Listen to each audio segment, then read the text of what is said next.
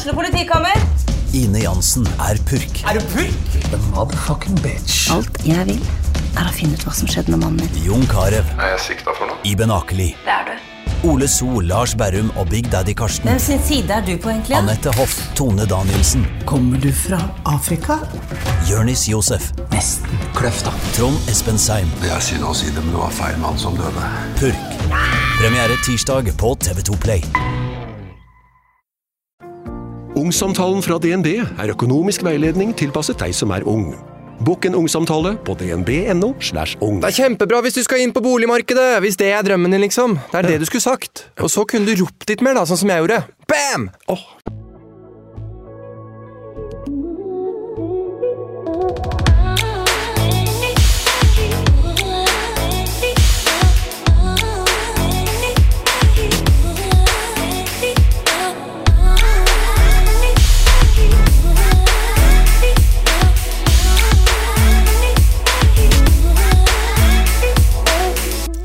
og velkommen til en ny episode av Sykt ærlig med Martine.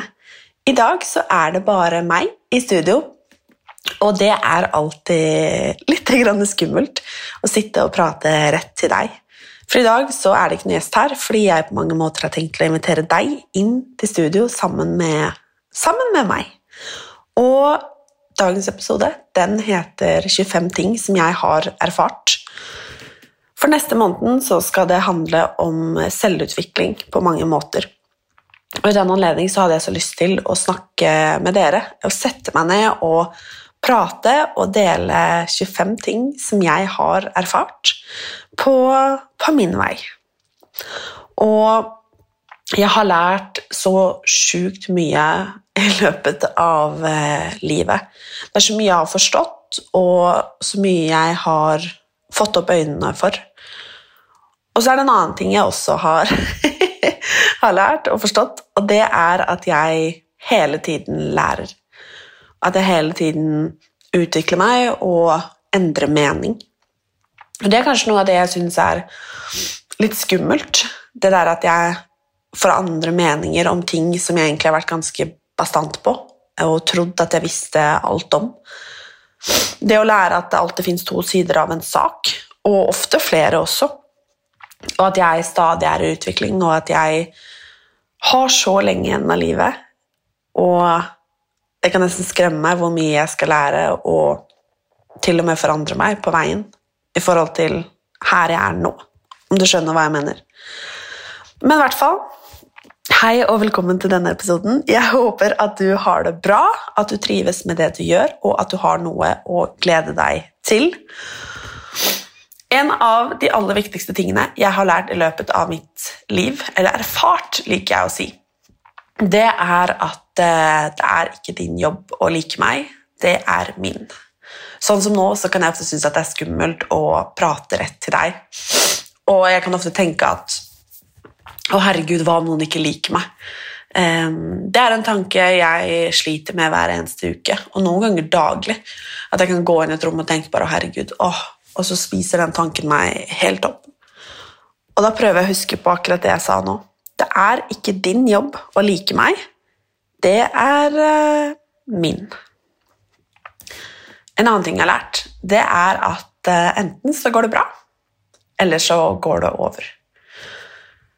De gangene jeg har fått høre det her, så har jeg eh, Eller blitt fortalt det her, så har jeg ofte reagert med å egentlig bli litt forbanna. Og grunnen til det, det er fordi at eh, jeg ofte har fått høre det når ting har vært skikkelig vanskelig og vondt. Og når man har det vanskelig eller vondt, så er jo kanskje det siste man vil høre at det går over. Fordi der og da så er det så sinnssykt altoppslukende. Og første gang jeg hørte det her, så mm, hadde jeg mista en venninne i bilulykke. Um, og jeg gikk i femte klasse på barneskolen og husker at uh, mamma fortalte meg at uh, enten så går det bra, eller så går det over. Og um, ikke bare i forbindelse med den, det som skjedde da, men som en generell huskeregel i livet. Og jeg husker også at mamma fortalte meg at når jeg hadde det så, så vondt og vanskelig som jeg hadde det da, at hun fortalte meg at dette kommer til å tid, ta tid, men det kommer også til å gå over. Og det kommer til å slutte å gjøre så vondt som det det gjør nå. Irriterende nok så fikk mamma rett. For selv om tingene ikke forsvinner eller blir borte eller slutter å være et faktum, så vil det med tiden slutte å gjøre så vondt som det det gjør akkurat nå. Og det tenker jeg om du som lytter f.eks. nå står midt i et samlivsbrudd, om du står i en vanskelig situasjon på jobben, om det er et eller annet i livet ditt som er skikkelig, skikkelig vanskelig. Det trenger ikke å være noe stort engang, men et eller annet som plager deg, eller som gjør vondt. Kanskje du har et familiemedlem som er sykt. Jeg veit ikke. Et eller annet. Um, så pleier i hvert fall jeg å huske på at enten så går det bra, eller så går det over. Og det er irriterende sant. Det syntes i hvert fall jeg. En annen ting jeg har erfart, det er at eh, følelsene mine, de bestemmer ikke. Og at følelsene mine, de avgjør heller ikke min verdi. For jeg veit ikke med deg, men jeg kan veldig ofte la følelsene mine bestemme hva jeg skal gjøre hvordan jeg skal reagere, og hvordan jeg skal føle meg. Kan, følelsene mine kan fortelle meg at eh, jeg er helt ubrukelig, at eh, ingen eh, liker meg. Jeg kan føle meg stygg, stygg, f.eks. Um, herregud, når man sier sånne ting høyt, så blir det nesten litt så flaut. Men det er jo faktisk sant. Og da prøver jeg å huske på at jeg ikke skal la følelsene mine bestemme. Og jeg har jo et livsmotto som er 'fake it till you make it'. Og det er jo irriterende sant. Og jeg har prøvd det noen ganger. Jeg har hatt ganger der jeg har eh, f.eks. har skullet noe. La oss f.eks. ta Vixen Awards i år. Som er en prisutdeling eh, for eh, influensere og profiler på sosiale medier. Um, jeg hadde en så sjukt skittig dag den fredagen der. Og jeg hadde skikkelig mensen og endometriosetrøbbel. Og PMS ut av ville helvete, føltes det ut som. Jeg var, uh, humøret mitt var på bånn, jeg følte meg blæ, jeg var varm, jeg var Altså, alt var egentlig gærent. Men så hadde jeg på mange måter ikke noe annet valg enn å bite tenna sammen og gjøre det beste ut av det. Og det gjorde jeg. Eh, og tenkte at ok, nå skal jeg fake it till I make it. Så jeg gikk fra å ha følelsene, eller at følelsene mine fortalte meg at jeg var helt ubrukelig, at jeg ikke var fin, at ingen kom til å like meg, at dette her bare kom til å bli skikkelig dritt, til å faktisk stå der og føle meg ganske fin.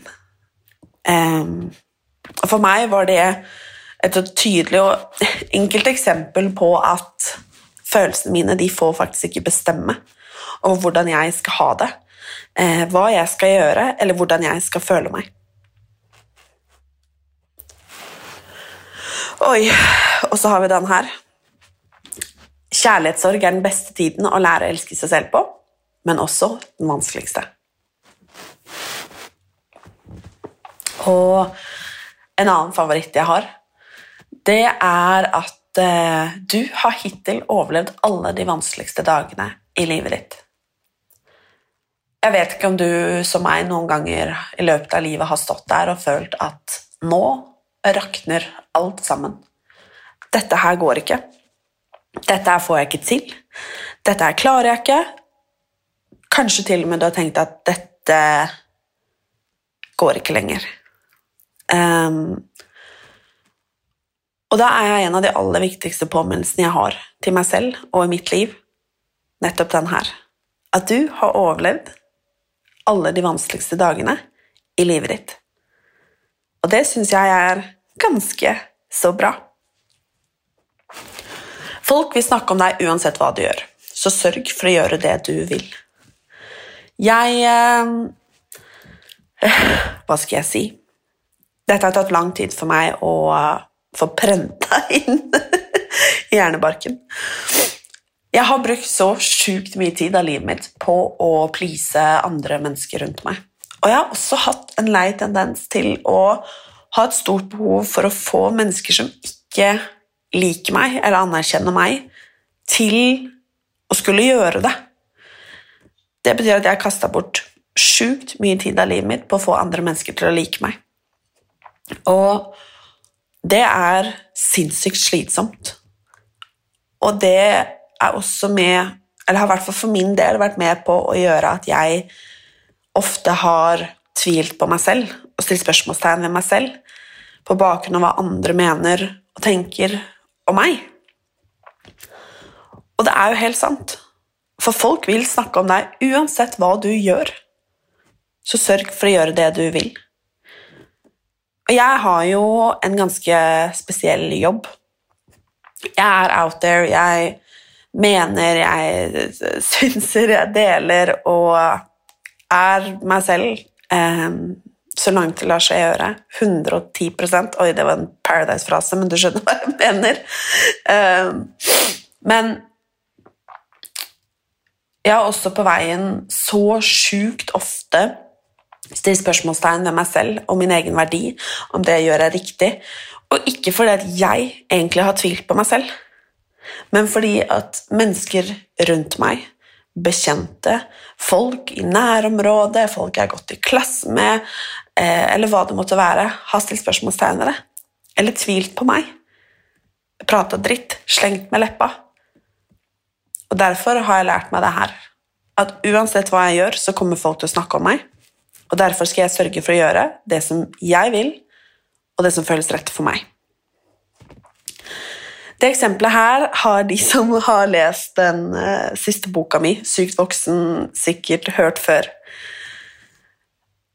For pappa har lært meg en veldig viktig og Det er nesten irriterende å innrømme at uh, mamma og pappa har hatt rødt med visse ting, men jeg har hatt så mange situasjoner i løpet av livet der pappa har brukt det eksempelet her.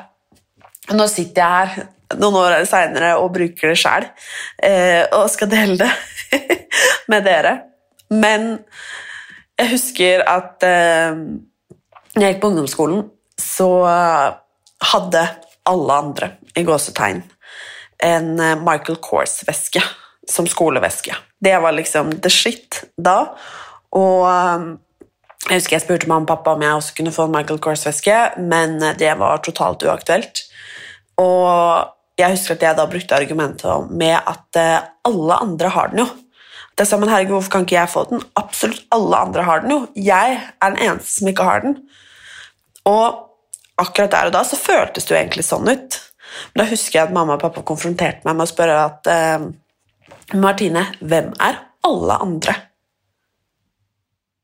Og irriterende nok så hadde jo ikke jeg noe godt svar på det, fordi alle andre hadde jo ikke en Michael Kors-veske. I min verden så var det kanskje sånn, men når jeg lukket opp øynene og så rundt meg, så var det egentlig de færreste det gjaldt. Og da så lærte pappa meg følgende at det er den kuleste festen du alltid går glipp av. Det får en kanskje til å tenke litt. Og jeg har sagt det noen ganger før, og så har jeg noen ganger mottatt en reaksjon fra folk som er sånn Hæ? Hva er det du mener? Den kuleste festen du alltid går glipp av.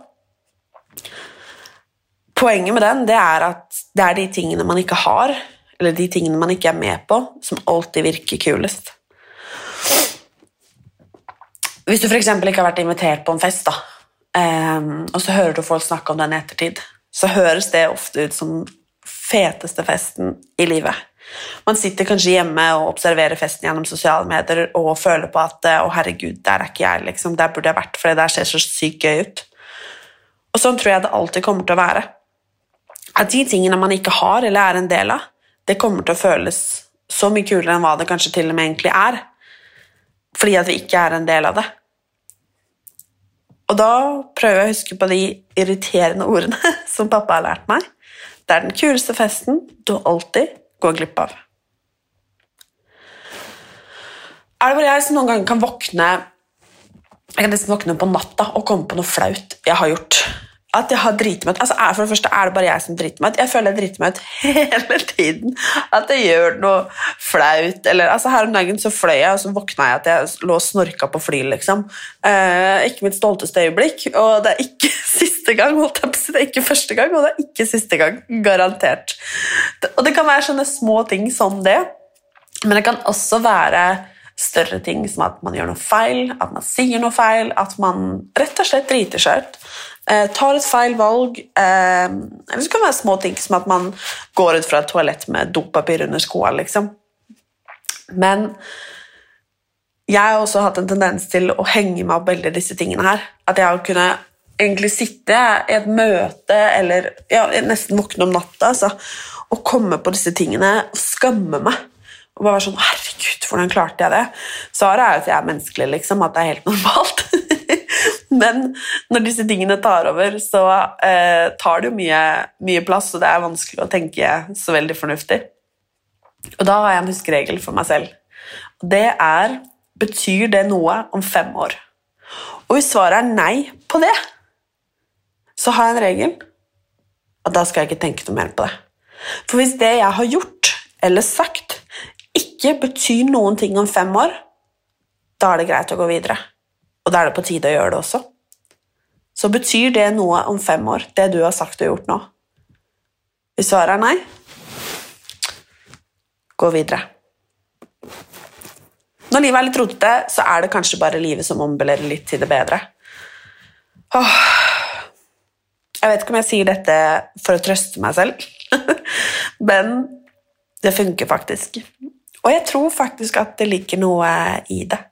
Og jeg tror ofte at ting må være litt kranglete eller vanskelig eller noe humpete, holdt jeg på å si, for å bli bedre. Og jeg tror ikke nødvendigvis at når ting er vanskelig, at det betyr at det som kommer ut i andre enden, trenger å være det, om du skjønner hva jeg mener. La oss f.eks. ta et brudd. Du har vært sammen med kjæresten din i mange år. Du trodde at den partneren var den du skulle være sammen med for resten av livet. Og du har kanskje til og med sagt at eh, du ikke klarer deg uten din bedre halvdel, eller at du ikke vet hvordan du skal leve videre. Um, det kan godt hende at du har tenkt de tankene, eller sagt det høyt, til og med.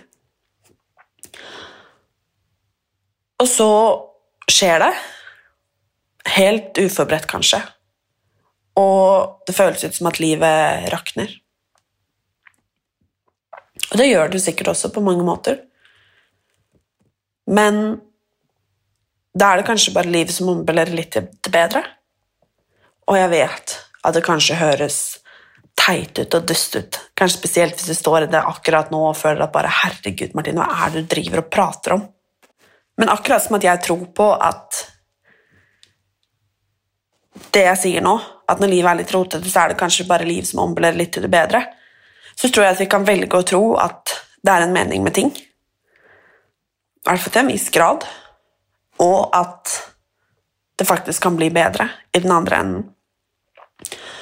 Og i stedet for å da kanskje bruke masse tid på å jobbe for noe som vi egentlig vet ikke fungerer, så kanskje heller jobbe med hvordan det skal bli bra i, i den andre enden. Jeg veit ikke. Du har lov til å ha det akkurat sånn som du har det. Om du er én meter under vann, og en annen er 100 meter under vann, drukner dere begge, uavhengig av hvor langt det er til toppen. Dette snakket jeg med en venninne om senest i går. Fordi at hun fortalte meg at hun eh, var lei seg fordi at hun hadde noen venninner som egentlig hadde kutta hun helt ut. Fordi at hun har gjort noe som de alltid har snakka om, og som hennes venninner ikke har våget eller valgt å gjøre. Og reaksjonen deres er nok basert på sjalusi. Um, men hun sitter igjen, altså min venninne sitter igjen med å være lei seg og føler nummer én at hun har gjort noe gærent. For at hun har følt drømmen sin og det som hun har lyst til. Um, og at de andre ikke liker henne. Og litt tilbake til det jeg snakka om på starten, så bruker hun også ganske mye tid på å please de, til tross for at de gir ganske tydelige signaler på at de syns at hun er helt dust, da, egentlig. Og da sa hun det at eh, Nei, de har slutta å sende meg meldinger og svare meg på meldingene mine. og Slutta å like bildene mine på Instagram og satt og fortalte sånne ting. Og så sier hun ehm, Ikke at det er så farlig, men Og så stoppa jeg henne der, så sa jeg, men du er jo lei deg. Så sa hun ja.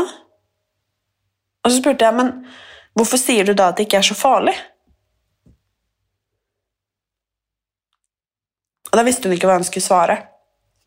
Og akkurat det der har jeg måttet spørre meg selv om så mange ganger. For hvorfor i alle dager skal vi forminske hvordan vi føler det, og hvordan vi har det? Og jo da, det hender at vi må bite tenna sammen og ta oss sammen, men du har lov til å ha det akkurat sånn som du har det. For om du er én meter under vann og en annen 100 meter under vann, så drukner dere begge, uavhengig av hvor langt det er til toppen.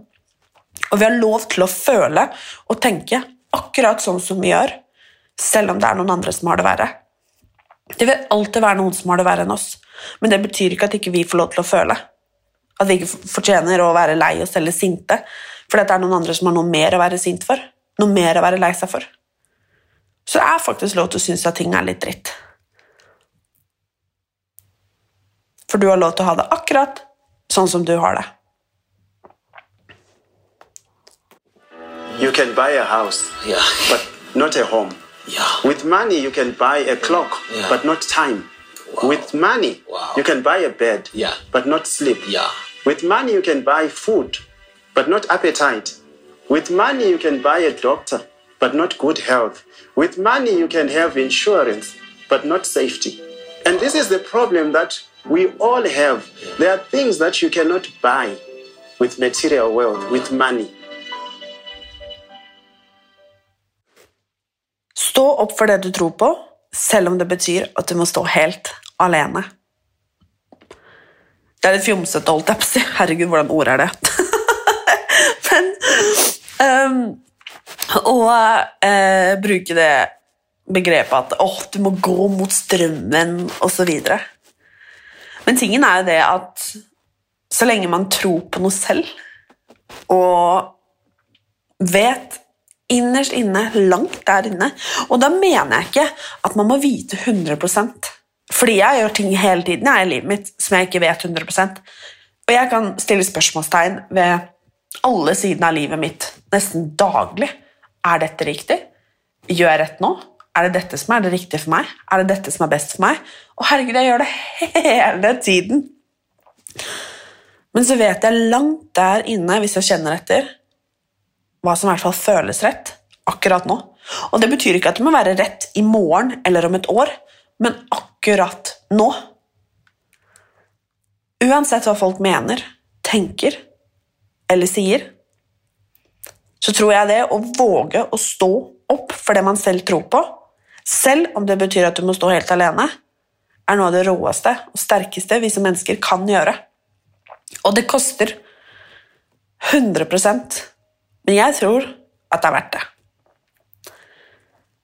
Det er bare en dårlig dag, ikke et dårlig liv.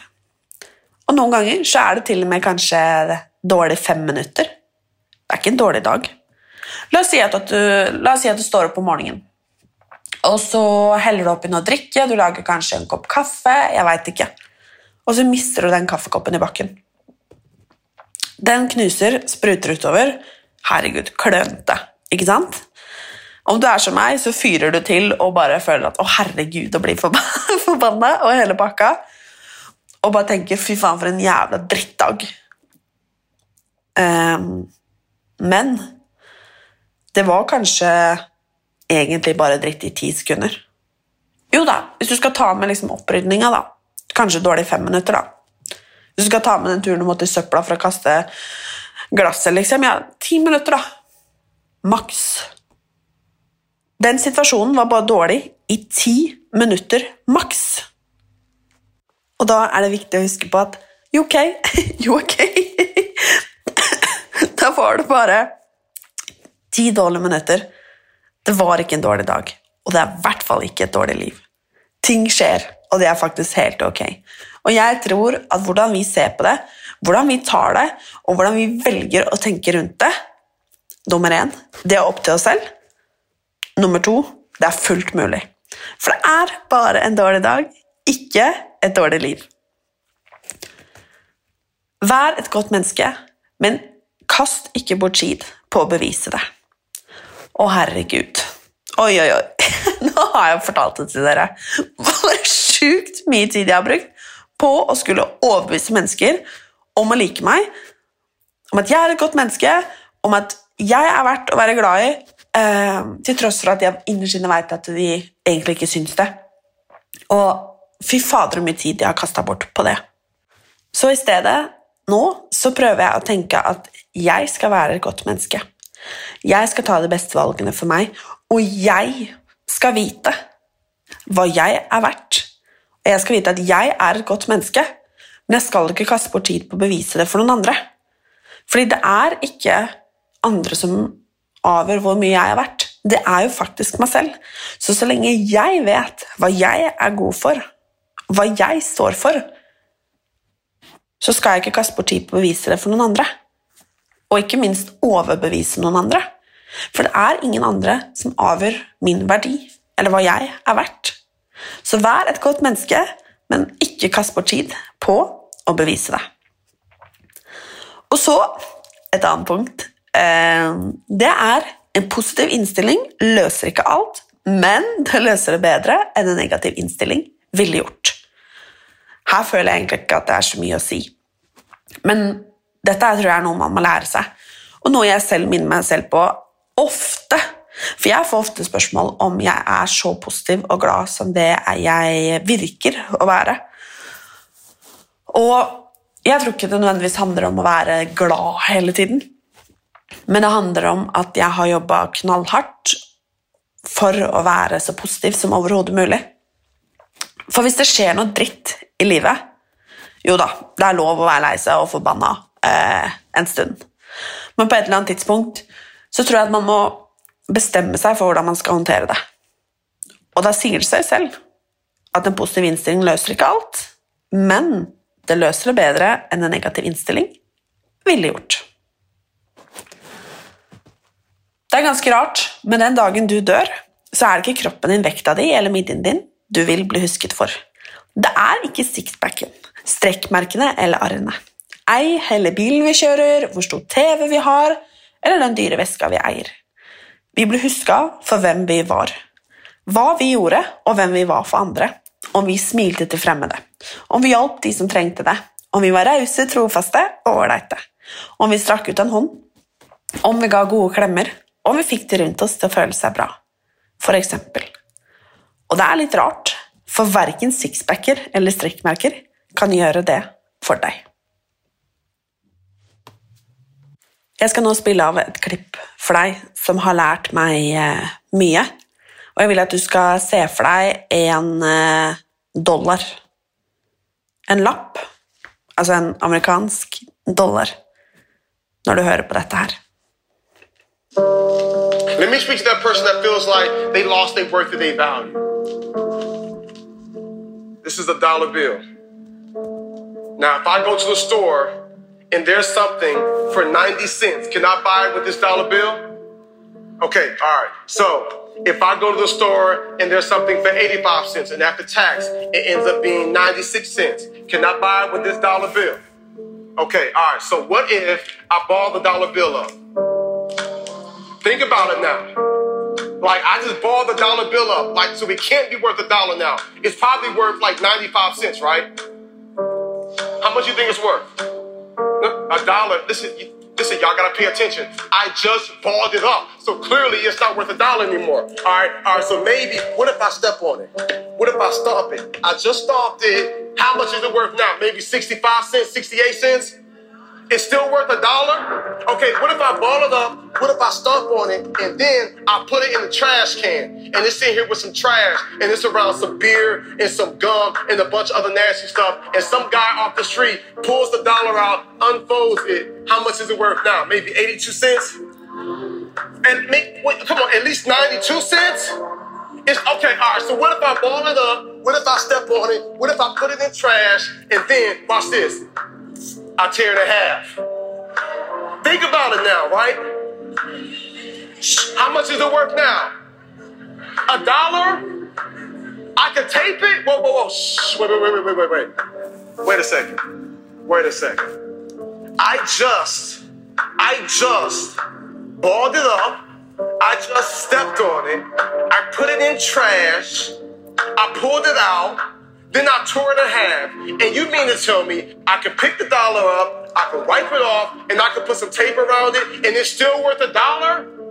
Then why, if this dollar doesn't lose its worth of its value, then why do you feel like you've lost your worth of value? Because many of you feel like you've been stepped on, you feel like you've been pushed aside, you feel like you've been abandoned, you feel like you've been talked about, you feel like you've been abused, like someone took from you, someone hurt you, somebody took advantage of you, and deep down inside your core, you feel like you've lost some of your value. And I am here to tell you today that this dollar still has worth and value because there are some men years ago who put value over this life and said that no matter what happens to it, it can still be taped back together. It can still be wiped off. And I am here to tell you that you were created and you're born and you're here and you have life and you have purpose and you have value. And though you've gone through some hard times and though you've experienced some depression and you might be wanting to hurt yourself and you might want to give up, I am here to tell you you still got worth and value. And there is nothing that can happen that can take your worth and your value away.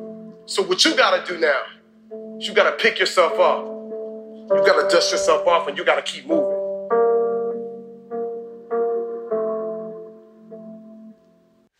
Husk at det kommer en dag i morgen, uansett hvordan det går i dag. Da jeg gikk på ungdomsskolen og på videregående, så la jeg ekstremt mye verdi i eh, hvilke karakterer jeg fikk. Og det å få karakterkortet mitt, som jeg innerst inne alltid visste at var veldig bra, ehm, så var det noe jeg grua meg til. Og det var ingenting jeg grua meg til fordi at eh, noen forventa noe av meg, sånn egentlig. Det var ikke sånn at jeg grua meg til å ta dem hjem og vise det til mamma og pappa, f.eks. Dette handla om meg, om min verdi. Og jeg husker at når vi fikk utdelt karakterkortene, så fikk vi levert det i en eh, konvolutt, gjerne, eller sammenbretta eller et eller annet, eh, og lagt på pulten vår eller gitt i hånda. Og veldig mange i klassen åpna det da med en gang for å se. Sammenligna og jubla, noen ble irriterte og alt mulig. Men jeg åpna det aldri. Jeg putta det bare ned i sekken eller i veska og, og dro hjem.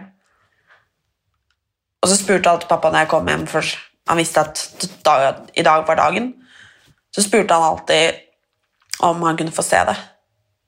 Og han fikk jo alltid det. Men jeg ville egentlig veldig sjelden se på det selv. Fordi jeg la så, la så sinnssykt mye verdi i det. Og selv om tallene som sto der, var helt fantastiske, så følte jeg at det ikke var godt nok veldig ofte. Og sånn har jeg alltid kunnet føle når jeg har fått tilbakemeldinger på ting også, når jeg leverer noe, eller når jeg ja, har fått en karakter på ting. da. Og det har plaga meg mye. Og jeg har kunnet ødelagt både dager og uker og perioder i livet mitt med det jaget jeg har hatt nettopp der. Og til og med tidvis ødelagt både min fysiske og psykiske mentale helse med det jaget. Um, så på et tidspunkt så måtte jeg finne en måte å håndtere det på. Og en av de måtene å håndtere det på, det har vært å huske at det kommer en dag i morgen uansett hvordan det går i dag. For når jeg fikk karakterkortet mitt, så var det ofte da Ofte betydde det sommerferie. Og da begynte jeg å tenke at uansett hva det står på det kortet her nå, så kommer fuglene til å kvitre i morgen. Sola kommer til å skinne igjen neste uke.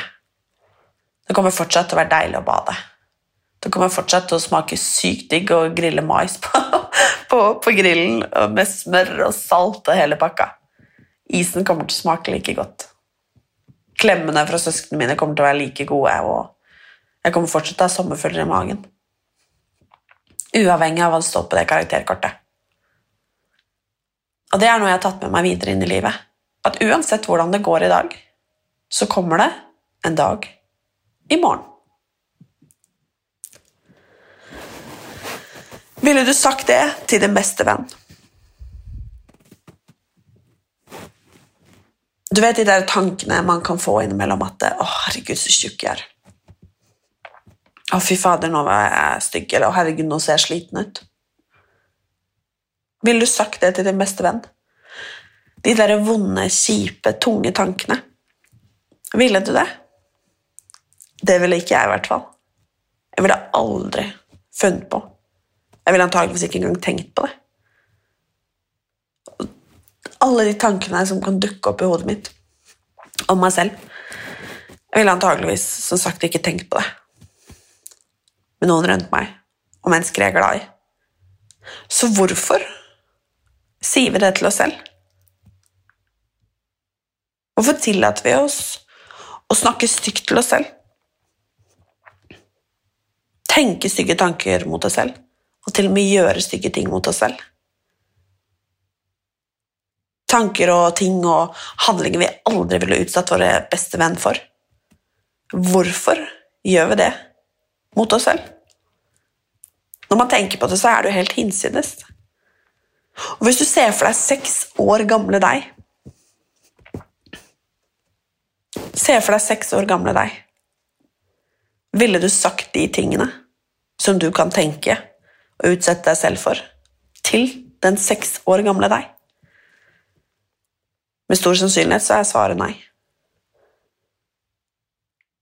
Så når skjer det egentlig at det blir greit å begynne å snakke stygt til seg selv? Tenke kjipe ting om seg selv? Utsette seg selv for kjipe ting? Når begynner egentlig det å bli greit?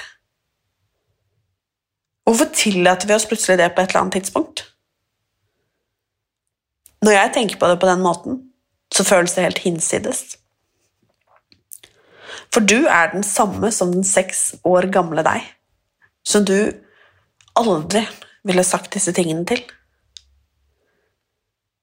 Så når disse tankene kommer, så prøver jeg alltid å huske på ville jeg sagt dette til din beste venn. Og hvis det ikke funker, så prøver jeg å se for meg seks år gamle Martine. Og hvis svaret er nei, at dette ville jeg ikke gjort, sånn ville jeg ikke at Martine skulle hatt det Seks år gamle Martine eller min beste venn. Hvis svaret er nei, så prøver jeg å unngå å gjøre det mot meg selv nå. For det finnes ingen god grunn i verden for å utsette oss selv for det mot noe vi ikke ville utsatt vår beste venn for.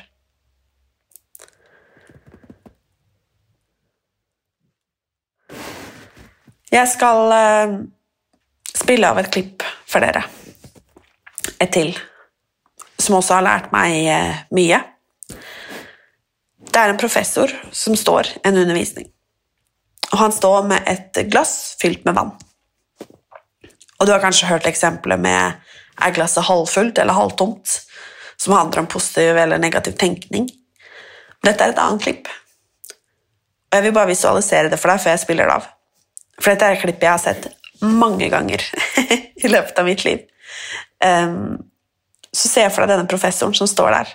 Han har på seg grå dress, hvit skjorte og svart slips.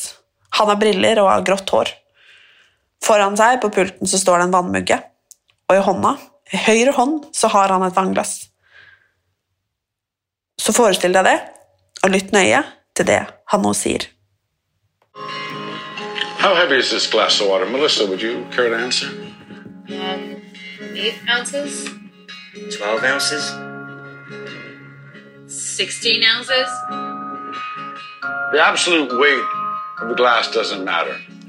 It depends on how long I hold on to it. If I hold it for a minute, nothing happens. If I hold it for an hour, my arm will begin to ache. If I hold it all day long, my arm will feel numb and paralyzed. Well, the weight of the glass hasn't changed, but the longer I hold on to it, the heavier it becomes. The stresses and the worries of life are like this glass of water. If you think about them for a little while, there's no problem. Think about it for a little bit longer, it begins to hurt. You think about them all day long, and you'll feel paralyzed, incapable of doing anything. always remember put the glass down. Nå har vi prata sammen en stund, og jeg kan også nevne ting som jeg har lært og erfart, som å huske å bruke solkrem i ansiktet hver dag, eller å huske å sove nok hver eneste natt, eller å huske at hva andre mener om deg, egentlig ikke betyr noen ting. Vi kan snakke om sånne ting i all evighet. Men jeg skal runde av nå. Nå har jeg prata fælt. Og forhåpentligvis så syns du at dette var ålreit, eh, selv om det var en ganske annerledes episode. Og jeg skal avslutte med noe av det aller, aller viktigste fra alle de tingene jeg har nevnt og sagt nå, eller det du har fått lytte til. Og det er at verden er et bedre sted fordi du er her. Og det må du aldri glemme. Så jeg vil runde av med å si det, at verden er et bedre sted fordi du er her, og si tusen takk for at du lytter til Sykt ærlig med Martine. Og så vil jeg si at jeg håper at du har det bra, og oppfordre deg til å gå ut der og kicke ass, og huske at verden er et bedre sted fordi du er her. Takk for at du lytter til Sykt ærlig med Martine. Og takk for praten. Det var faktisk skikkelig, skikkelig hyggelig.